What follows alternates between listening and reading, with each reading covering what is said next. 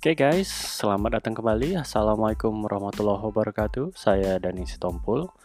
Di podcast yang kali ini, kita akan kembali membicarakan mengenai social media and new media marketing strategies. Jadi uh, untuk topik yang hari ini, kita akan uh, lebih banyak bercerita mengenai cyber social tools dan tools-tools itu uh, bagaimana sih manfaat daripada tools itu akan bisa membantu kalian di dalam marketing uh, social media marketing kalian sendiri.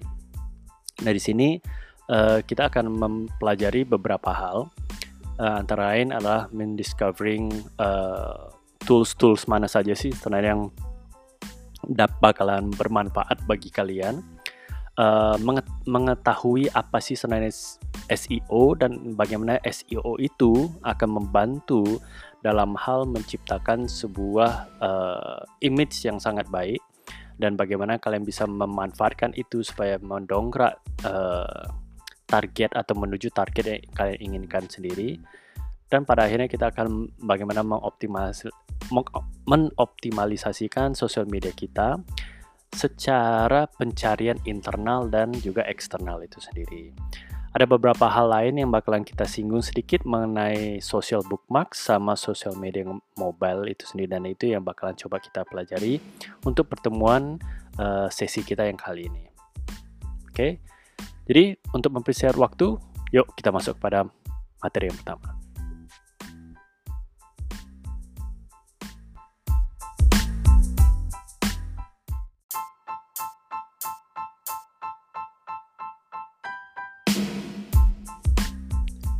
Oke, jadi segmen pertama kita ini adalah mengenai bagaimana kita bisa mendiscover uh, tools-tools apa saja sih yang bakal membantu kita di dalam perjalanan marketing kita di dalam sosial media ini sendiri. Nah, uh, sebenarnya ya, kalau kita ingin langsung menggunakan sosial media kita uh, uh, tanpa kita harus uh, apa sih namanya mengset dia supaya lebih bagus atau menjadwalkan dan sebagainya itu sebenarnya sih nggak masalah. Bisa langsung kita gunakan karena sosial media begitu kita login kita mau post apa pun dengan kata-kata apa pun sudah tersedia dan bisa langsung kita gunakan. Tapi jika kita ingin lebih lebih produktif dan ingin membangun framework yang benar nah di sinilah di saat kita harus menggunakan yang namanya tools-tools tersebut.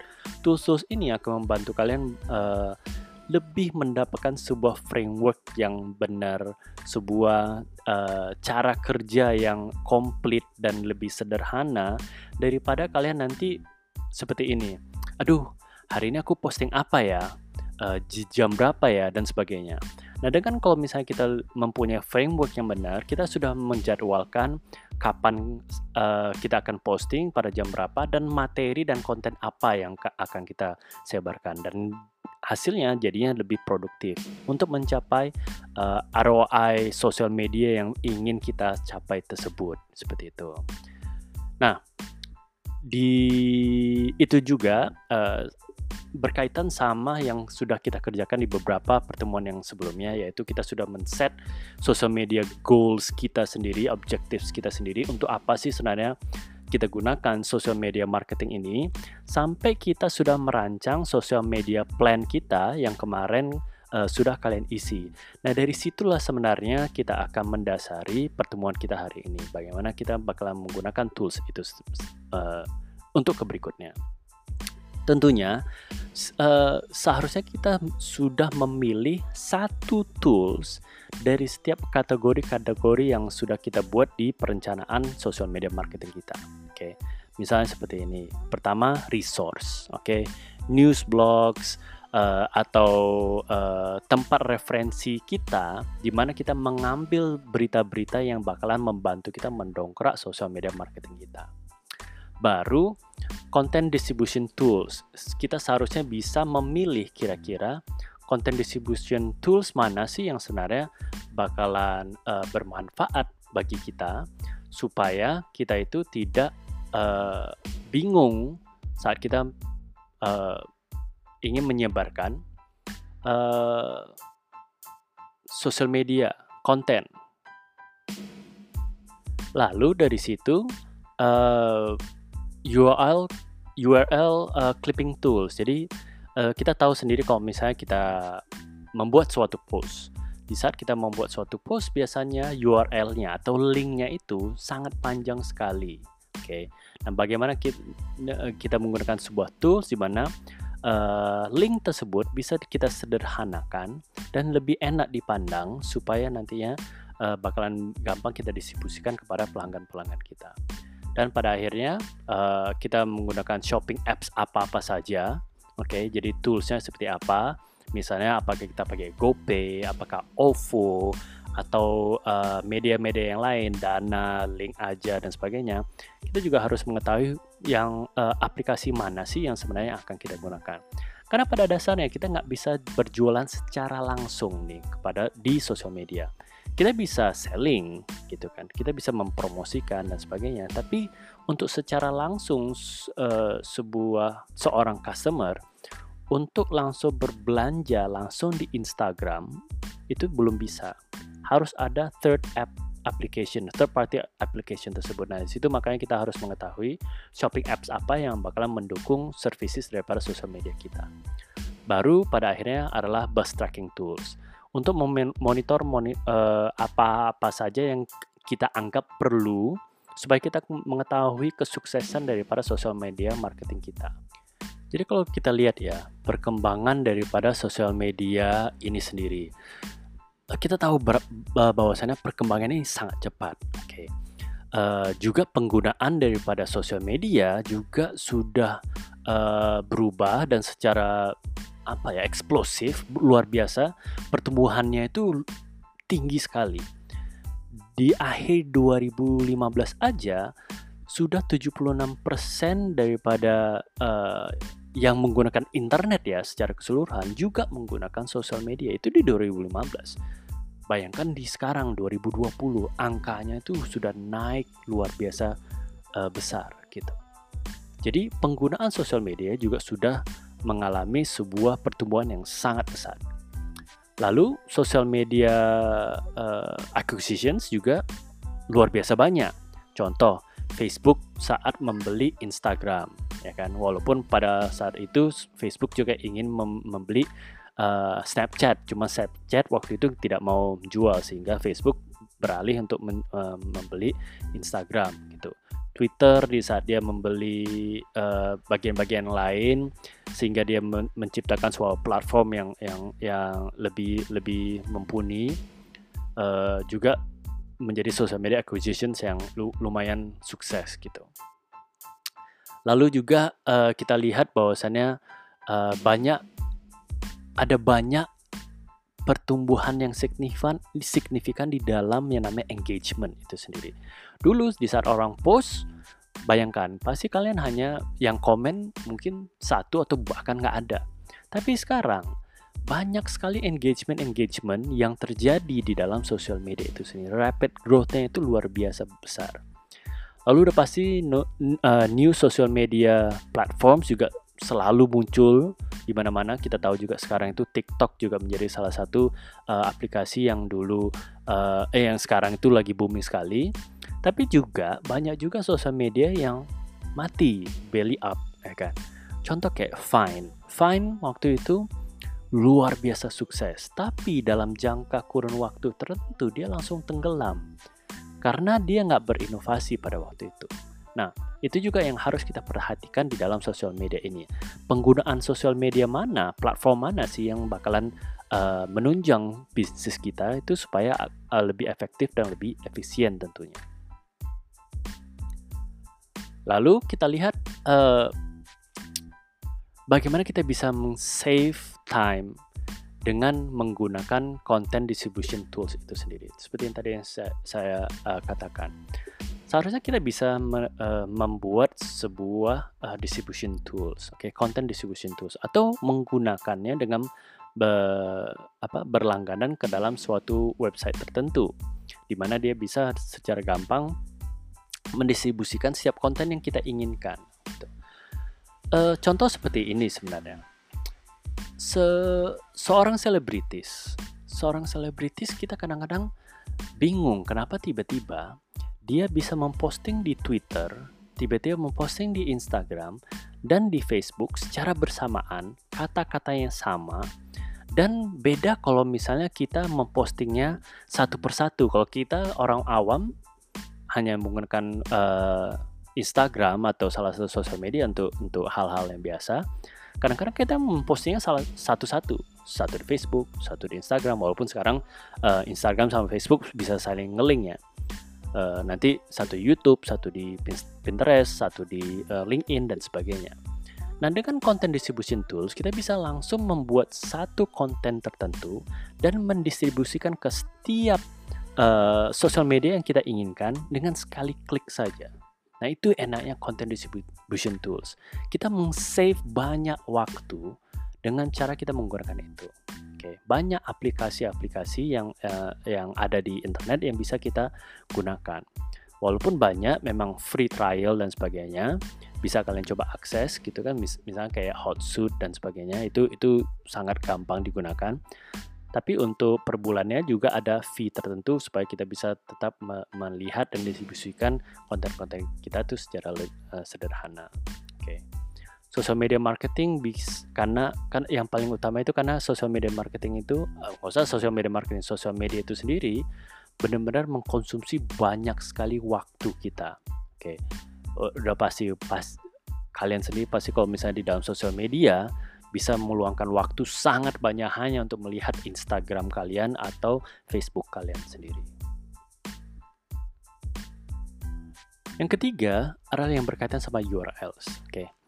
URLs kalau terlalu panjang terlihatnya itu sangat jelek. Perhatian kalau misalnya di di uh, slide kalian ini URL yang panjang dengan dengan banyak angka-angka dengan huruf-huruf yang sama sekali tidak nyambung akan membuat ilfil orang-orang gitu kan. Bayangkan sama yang di sebelah kirinya, sebuah clean URL di mana dia sudah membentuknya itu dengan kata-kata yang sederhana dan tepat dengan uh, konten yang memang dia ingin uh, deskripsikan gitu. The, the solution is to snip, clip, nip trim, shave, and otherwise shorten your URL dengan lebih baik gitu. Nah, banyak cara-caranya dan dan itu yang bakalan kita coba pelajari juga di dalam social media uh, marketing ini gitu. Antara lain, saya juga lihat sudah berapa uh, apa marketing plan yang kalian lihat banyak yang bakalan menggunakan BitLY. Nah, itu yang paling sering digunakan oleh orang untuk mempersingkat atau mem, uh, memperkecil URL dia. Oke. Okay. Lalu yang keempat, ya kembali lagi seperti yang tadi, e-commerce tool, tools untuk social sites kita sendiri. Always check the terms and services on social media kita. Ada beberapa social media yang sebenarnya tidak memperbolehkan kita berjualan di dalam sosial media itu. Sehingga walaupun kita berhasil untuk mempost sesuatu, kita nggak bakalan muncul di misalnya di search atau di explore atau di uh, di saat orang-orang ingin me, me, me, me, me, mencari kalian gitu. Nggak muncul ya. Kenapa? Karena rupanya ada rules tidak bisa uh, berjualan di dalam sosial media itu makanya kita harus selalu update oke okay. Nah, untuk itu ada jalan keluarnya dengan menggunakan third party itu, third party aplikasi itu. Kita nggak jualan, kita nggak melakukan transaksi itu di dalam uh, apa namanya sosial media itu. Tapi kita membangun sebuah link, kita membangun sebuah banner, kita membangun sebuah URL yang jika diklik itu akan mentransfer traffic itu ke dalam media apa pun yang kita inginkan. Misalnya, apakah langsung ke website kita atau langsung kepada sebuah website marketplace tertentu yang mereka bisa langsung membayar transaksi mereka atas produk atau services yang mereka inginkan. Oke. Nah, itu yang yang yang yang harus kita pelajari. Walaupun kayak sekarang ya Facebook juga sudah ada sebuah marketplace Twitter juga uh, ada dengan Twitter by now dan sebagainya. Nah, itu yang harus kita tahu gitu. Sehingga kita kita bisa menggunakan sosial media ini sebagai tools yang tepat di saat kita ingin melanjutkan bisnis kita atau membuat bisnis kita ke dalam tahapan yang lebih uh, keren. Nomor lima adalah keeping your ear to the social ground. Oke. Satu hal yang penting ya, jangan anggap bahwasanya di saat kalian sudah mempost sesuatu di sosial media, itu langsung bakalan selalu berdampak positif terhadap brand kalian sendiri. Oke, ada beberapa expert yang bilang uh, negatif komen itu terkadang itu akan muncul di antara 20 results di, di saat Google Search sendiri. Baik itu secara brand kita, nama kita, produk kita, dan kalau kita tidak pantau itu, kita juga nggak tahu apa apa sebenarnya dikatakan oleh orang mengenai kita atau mengenai brand kita atau produk kita. Oke, okay. sosial media ini luar biasa besar. Apalagi contohnya di Indonesia atau di Medan sendiri. Mengenai sesuatu itu, itu cepat sekali penyebarannya. Oke, okay. makanya kita harus selalu tanggap dan selalu mengcek gimana ya reaksi customer kita, orang-orang di dalam sosial media terhadap produk-produk yang kita tawarkan, bisnis yang kita tawarkan, reputasi kita itu seperti apa. Walaupun dia tidak sama dengan kita melihat measurement yang ada di sosial media misalnya oh berapa likes ya, oh ada berapa engagement ya, itu nggak ada statistiknya. Keeping your ear to social media ground itu adalah kita mendengar, membaca, dan menganalisa apa ya sebenarnya yang terjadi. Oke, jadi statistiknya data itu nggak ada. Memang ini bakalan cara kalian menganalisa apakah brand kalian itu sudah cukup baik di telinga telinganya customer kalian atau justru sesuatu yang tidak kita inginkan. Kenapa? Dan apa sebenarnya yang harus kita monitor? Ya, ada beberapa hal, ada delapan ini. Pertama, track what's being said about your company and products. Oke, okay? baik yang positif dan juga yang negatif. Oke, okay? harus kita tahu apa sih yang dikatakan oleh pelanggan kita dan juga mungkin bukan pelanggan kita terhadap company kita, bisnis kita atau produk-produk kita itu sendiri. Catat harus dua-dua, uh, dua-dua positif sama negatifnya. Oke. Okay. Lalu lakukanlah market research. Lakukan juga kompetitor research juga. Karena bukan kita buk, uh, apa bukan hanya melakukan riset terhadap pasar saja, tapi juga harus kita lihat kompetitor kita sebenarnya lakukan apa. Oke. Okay. Stay up to date terhadap tren, terhadap apa yang terjadi dalam industri kita sendiri. Uh, lihat topic of interest, lihat besarnya komen-komen orang, apa sebenarnya yang dibicarakan di dalam komen gitu. Sehingga pada akhirnya kita bisa menggain competitive advantage kita. Tahu kita benar itu apa. Oke. Terus monitor juga press release kita, setiap campaign yang kita kita keluarkan, setiap postingan yang setiap kita keluarkan, setiap promosi yang kita keluarkan. Dampaknya seperti apa? Oke. Sama juga kalau saat kalian uh, uh, harus menganalisa apakah konten kalian itu melanggar sebuah trademark atau melanggar sebuah hak kekayaan intelektual sesuatu dan sebagainya. Oke. Okay. Nah, yang paling gampang adalah mengobtain customer feedback. Oke, okay. itu dengan cara kalian bisa seperti yang sering kalian lakukan menggunakan Google Form dan sebagainya supaya kalian bisa memonitor satu persatu.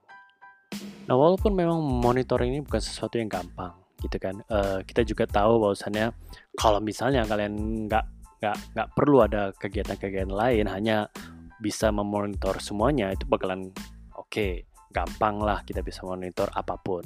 Cuman kita tahu bahwasannya itu nggak realistik.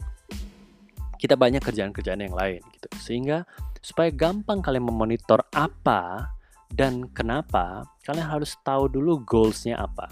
Oke. okay goals kalian memonitor ini untuk apa. Sehingga setelah kalian mem, uh, melihat goals, kita baru ba, baru bisa melihat uh, atau meng, uh, set uh, search terms atau keywords yang untuk apa untuk kita monitor. Oke, antara lain bisa apa uh, brand kalian sendiri, uh, memonitor nama perusahaan kalian, bisnis kalian, memonitor domain name kalian sendiri, memonitor competitor names, memonitor uh, product names, keywords, topics dan sebagainya. Sehingga baru dari situlah kita bisa mendesain tools mana yang akan kita gunakan. Nah, saya sendiri kalau di saat saya menggunakan uh, social media campaign gitu, yang saya gunakan biasanya itu antara Google Alerts sama Google Trends. Itu free dan bisa kita gunakan untuk mencari uh, trends-trends yang ingin kita uh, atau kata-kata yang yang bakalan berkaitan sama uh, bidang bisnis yang kita terjun sendiri. Jadi itu akan membantu kalian di dalam hal sosial media marketing kalian dan bagaimana meng meng mengevaluasi dan mem memonitor uh, perkembangan daripada bisnis kalian sendiri.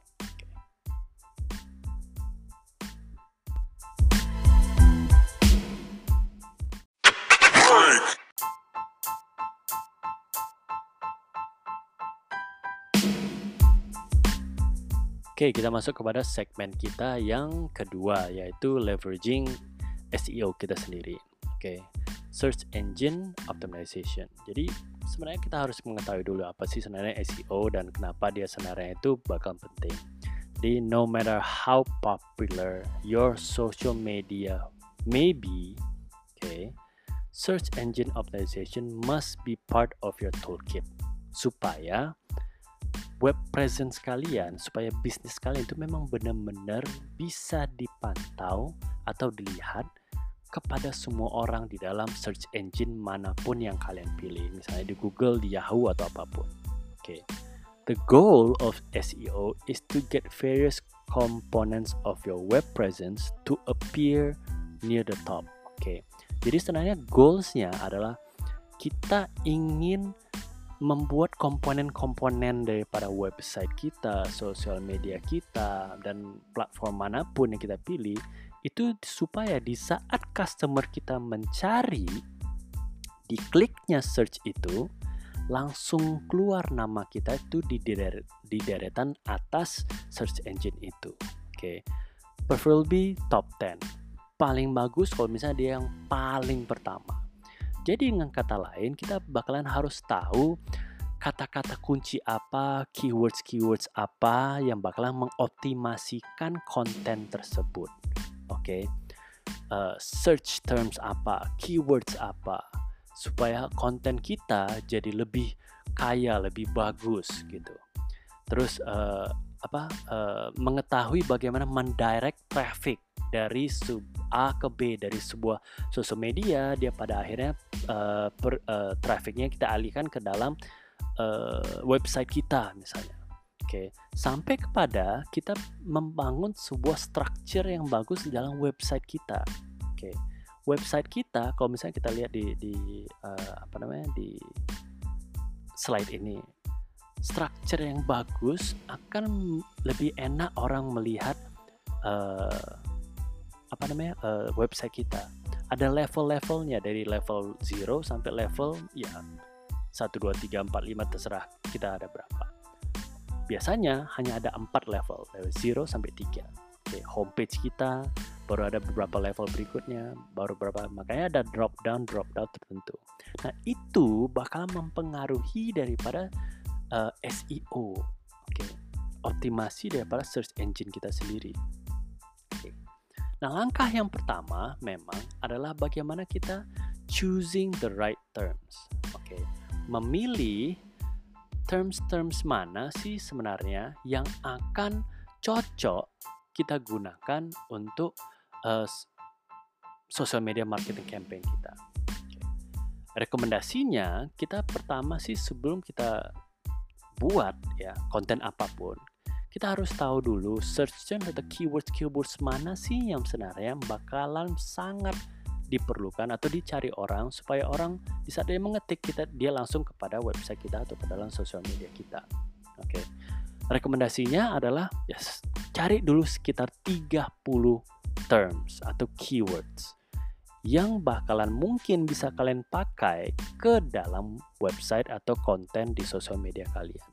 Oke. Okay Jadi kita nggak bakalan tahu sebenarnya keywords mana yang bakalan uh, paling sukses di saat sebelum kita mencoba. Makanya saya sarankan setidaknya ada 30 terms atau keywords yang mungkin, mungkin kalian sudah coba uh, cari dulu. Oke. Okay.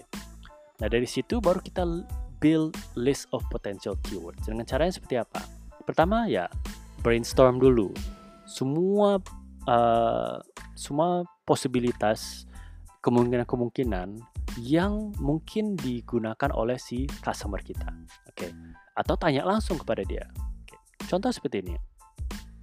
Kenapa klinik uh, Amira Beauty Center saya uh, dengan istri saya itu bisa kalau misalnya kita uh, kalau orang cari itu bisa di urutan nomor satu uh, di Google karena kami memilih keyword yang tepat waktu itu.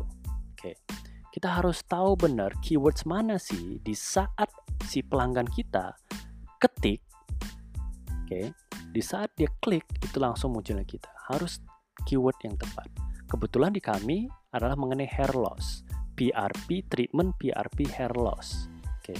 jadi kami tahu keyword kami itu PRP, kami tahu keyword kami itu hair loss, kami tahu uh, keywords kami itu skincare dan sebagainya. Makanya dia bisa melonjak di atas uh, Google search di situ. Oke. Lalu yang kedua adalah be sure to enlist the names of all your products sama service packages di dalam uh, sosial media kalian dan juga di dalam website kalian supaya orang tahu di saat dia mencari segala sesuatu dia tahu apa hal yang bisa kita tawarkan. Oke. Baru baru juga uh, masukkan ke dal uh, dalam uh, keywords itu adalah terminologi-terminologi uh, yang spesifik terhadap bidang industri yang kalian masuki. Oke, okay. kayak kami menggunakan PRP. Oke, okay, PRP itu adalah uh, suatu yang bakalan san sangat unik di dalam bidang kami itu sendiri. Sehingga kami gunakan itu. Berikutnya adalah lokasi. Nah, ini juga bakalan sangat penting. Kami juga menggunakan itu lokasi di dalam keywords yang kami guna uh, kami kembangkan. Sehingga kalau misalnya orang cari PRP hair loss di Medan orang tahu langsung yang paling atas itu adalah klinik Amira Beauty Center. Cara gampang supaya kita tahu sebenarnya kira-kira apa sih uh, keywords yang tepat langsung aja ke Google langsung ke search terus kita ketik apa pun yang sedang kita inginkan. Lihat di situ ada beberapa bakalan keluar beberapa uh, istilah-istilah dan beberapa uh, rekomendasi-rekomendasi. Oke, jadi setelah kita mengetahui uh, keywords-keywords search terms yang ingin kita gunakan, baru kita bakalan uh, lebih memahami yang namanya tags sama tag clouds itu sendiri. Nah, tags are the social media equivalent of search terms. Oke, jadi sebenarnya tags itu adalah gabungan daripada keywords-keywords untuk mem, uh, membuat uh, uh, perincian deskripsi terhadap bidang atau konten yang ingin kita sampaikan. Seperti contohnya tadi yang soal Amira Beauty Center. Teks kami adalah PRP, hair loss, Medan. Oke, okay. jadi uh, sangat suatu keywords keywords dari PRP dari hair loss dan location uh, Medan itu sendiri yang kami gabungkan menjadi sebuah tags oke okay. nah tag clouds itu adalah uh, lebih bagaimana cara kita tahu sebenarnya atau berapa sering sebenarnya uh, keywords keywords yang kita gunakan in, itu muncul di saat itu di, di, dicari oleh si searchers atau si customer kita. Oke. Okay tag clouds ini sendiri munculnya itu bisa kita analisa uh, dengan sangat gampang. Karena dia sebenarnya muncul di saat kita itu ingin mengetahui apalagi kalau ingin mengetahui kompetitor ya mereka menggunakan uh, keywords keywords apa kita bisa menggunakan tag cloud ini supaya kita tahu oh rupanya dia menggunakan ini dan ini yang paling sering di di hit saat orang cari. Oke okay misalnya kita gunakan sebuah uh, website yang namanya Tag Crowd, oke, okay? T A G C R O W D, oke, okay, .com. Nah di situ kalau misalnya kita cari, oke, okay, kita cari di, di suatu URL, oke, okay? misalnya kita copy suatu URL daripada atau link daripada komputer kita, oke, okay? sebuah konten yang dia dia posting, oke, okay? lalu kita uh, masukkan ke dalam tag crowd ini. Tag crowd akan menganalisa itu sendiri berdasarkan kode-kode algoritmanya uh, sosial media itu, sehingga nanti dia bisa munculkan dengan uh, kata-kata mana sih yang sering dicari orang di saat menggunakan Google Search atau Yahoo Search atau search apa pun, search engine apa pun. Oke. Okay. Di situ akan kita tahu oh rupanya kata-kata yang tepat keywords kita adalah ini, ini dan ini misalnya. Okay. dari situlah orang tahu bahwasannya keywords yang paling tepat itu dengan menggunakan uh, tag tag cloud ini uh, atau tag crowd ini sendiri. Oke, itu akan sangat membantu kita saat menggunakan atau membuat konten-konten yang kita ingin lakukan. Oke. Nah, dari situ juga baru kita bisa mendeskripsikan atau setidaknya memulai yang namanya konten kita.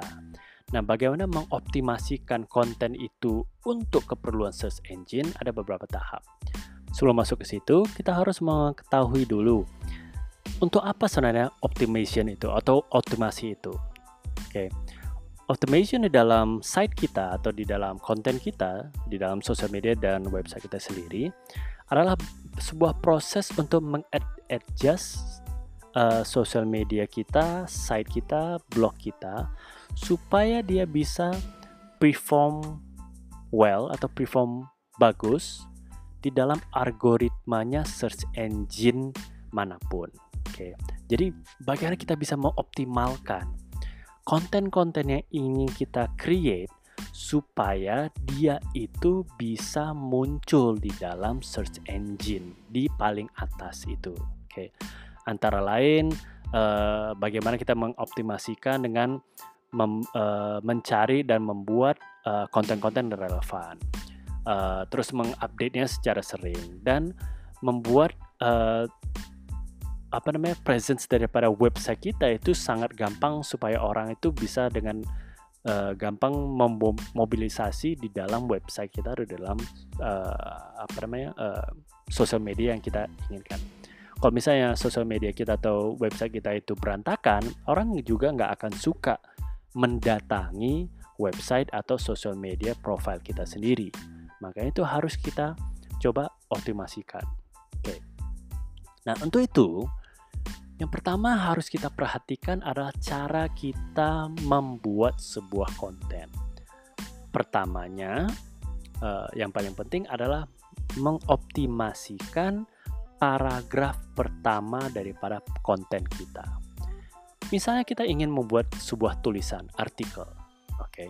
Artikel itu mungkin mungkin ada sekitar uh, eh, 5.000 sampai dengan 7.000 kata di dalamnya Oke.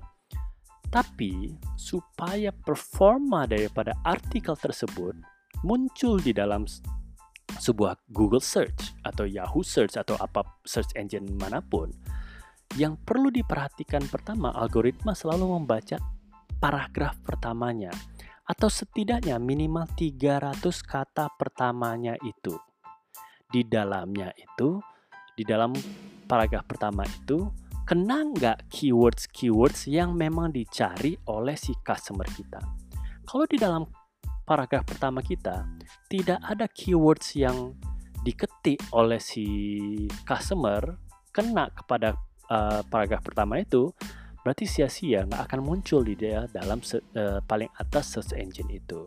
Makanya kita harus kita optimasikan, mengetahui keywords, text, dan teks yang harus kita gunakan itu yang makanya tadi kita uh, perhatikan yang paling pertama. Yang kedua adalah kita update-nya itu sering. Oke. Okay. Jangan hanya oke okay, kita ah hari ini aku nulis lah. Oke. Okay. Berikutnya kita nulis mungkin baru dua minggu atau bahkan sebulan atau dua bulan berikutnya. Itu juga pada akhirnya akan menurunkan ang, uh, tingkat pering, uh, peringkat kita di dalam search engine okay. baru yang ketiga making your site search engine friendly nah terkadang ini sangat dilupakan sama uh, orang. Utamanya adalah di saat kita menggunakan misalnya gambar atau video uh, dan yang lain-lain gitu. Misalnya kalau misalnya kita gunakan sebuah gambar yang mungkin kita cari dari internet dapatnya secara gratis dan sebagainya. Di saat kita save gambar tersebut, nama daripada gambar tersebut kadang-kadang aneh-aneh. Misalnya 123 abcdf.jpg misalnya. Nah, di situ kalau misalnya algoritmanya suatu web uh, suatu search engine me, me, melingkan itu dengan konten yang kita gunakan di paragraf pertama, itu nggak bakalan pernah ngena. Jadi kalau misalnya kembali lagi seperti uh, contoh klinik kami Amire Business Center. Kalau misalnya saya bikin sebuah artikel mengenai uh, rambut rontok atau hair loss itu sendiri, oke. Okay. Nah, paragraf pertama saya pasti bakalan mengandung unsur kata-kata rambut rontok, PRP hair loss yang ada di Medan, gitu. Terus, kalau misalnya ada gambar yang saya masukkan di situ, nama file gambar itu pasti saya buat PRP Hair Loss Medan. Misalnya seperti itu. Jadi berkaitan dengan uh, unsur yang kita bawa di dalam konten itu sendiri. Kalau namanya berbeda, search engine akan uh, melihat itu dan dia nggak nggak akan menyambungkan itu dan itu akan memperkecil kemungkinan kita muncul ke dalam tahapan atas peringkat search engine tersebut. Nah itu penting. Okay. Dan pada akhirnya yang terakhir adalah mengkonfigurasi URLs URLs kita. Seperti tadi yang saya bilang, orang nggak bakalan suka melihat URL panjang-panjang, oke ribet-ribet. Habis itu sebenarnya kayak tadi nama file yang A, 123 ABCD F nggak ada hubungannya. Kecilkan URL situ, buat URL uh, yang singkat dan mudah dimengerti dan dicari sama uh, customer kita gunakanlah bit.ly. Sangat gampang kok. Oke. Okay. Oke. Okay? Jadi untuk uh, berapa hal yang berikutnya itu bakalan kita bahas di dalam pertemuan-pertemuan yang uh, di lain waktu. Oke. Okay. Untuk itu juga tugas kita sebenarnya sangat gampang. Oke. Okay. Oke, tugas kalian sangat gampang. Buatlah sebuah artikel yang berhubungan dengan bisnis kalian. Bebas mengenai apa pun okay? tapi berhubungan sama bisnis kalian oke okay? jadi boleh aja artikel mengenai tutorial atau artikel men, uh, mengenai suatu informasi yang berhubungan bisnis kalian artikel mengenai bisnis kalian sendiri terserah kalian bebas oke okay? post artikel tersebut dengan menggunakan keywords dan teks yang sudah menjadi pilihan kalian oke okay? ingat first paragrafnya itu bakal yang sangat penting sehingga setidaknya minimal 300 kata ada di dalam first paragraph tersebut. Oke, ingat itu hanya sebuah kondisi optimalnya. Oke. Buatlah serelevan mungkin artikel tersebut dengan uh, mungkin kata-kata yang kalian gunakan. Oke, jadi misalnya kayak gini, jangan jangan semua kalimat pertama daripada par paragraf kalian itu semua keywords. Itu salah. Oke. Okay. Google nggak akan melihat di situ. Sebenarnya di dalam di dalam uh, optimalisasi satu paragraf yang berisi 300 kata, mungkin keywords yang ada itu paling hanya tiga atau lima. Oke. Okay. Tapi pergunakan dan masukkan keywords-keywords dan teks tersebut ke dalam kalimat yang senatural mungkin. Jangan dibuat-buat. Algoritmanya Google uh, ataupun yang lainnya juga akan mendeteksi itu kalau misalnya kita buat-buat. Oke. Okay. Buat artikel itu semenarik mungkin. Juga kalau misalnya gunakan foto, ingat fotonya itu uh, apa namanya? rename, oke. Okay? dengan gunakan keywords-keywords yang sesuai. Oke. Okay. Dan gunakan links kalau memang di, diperlukan atau URL jika diperlukan. Oke. Okay. Terus post artikel tersebut secara resmi di dalam websitenya kalian. Oke. Lalu itu udah selesai. Baru pergi ke sosial media kalian. tes, uh, di setiap platform yang kalian sudah ada. Oke. Okay? Silakan buat suatu post yang akan mendorong traffic pelanggan kalian dari saat dia membaca postingan itu sehingga dia bisa klik suatu link yang akan mendorong mereka ke dalam website dan melihat postingan artikel kalian. Oke, gunakan misalnya bit.ly dan sebagainya itu terserah kalian bebas di situ. Oke. Jadi sebenarnya inti daripada tugas hari ini adalah mengusahakan traffic customer kita dari suatu sosial media ke dalam website kalian dengan mendorongnya dengan membuat suatu artikel yang menarik. Oke. Nantinya ini akan men, uh, berguna di saat kalian uh, melakukan transaksi kepada pelanggan kalian. Misalnya kalian membuat suatu postingan mengenai produk atau jasa yang kalian ingin tawarkan pada si pelanggan. Dia tertarik. Oke. Habis itu dia bingung, oke gimana caranya aku mendapatkan produk ini? Dari situlah bisa kita dorong trafficnya ke dalam suatu website atau suatu media yang lain, Tokopedia, WhatsApp atau apa pun yang kita inginkan supaya terjadilah transaksi itu. Oke. Nah, itulah gunanya uh, pertemuan kita hari ini. Oke, semoga tugas ini uh, gampang dilaksanakan. Kalau ada pertanyaan, silakan nanti hubungin saya via uh, private message. Oke, semoga ini bermanfaat. Oke, see you next time. Assalamualaikum warahmatullahi wabarakatuh.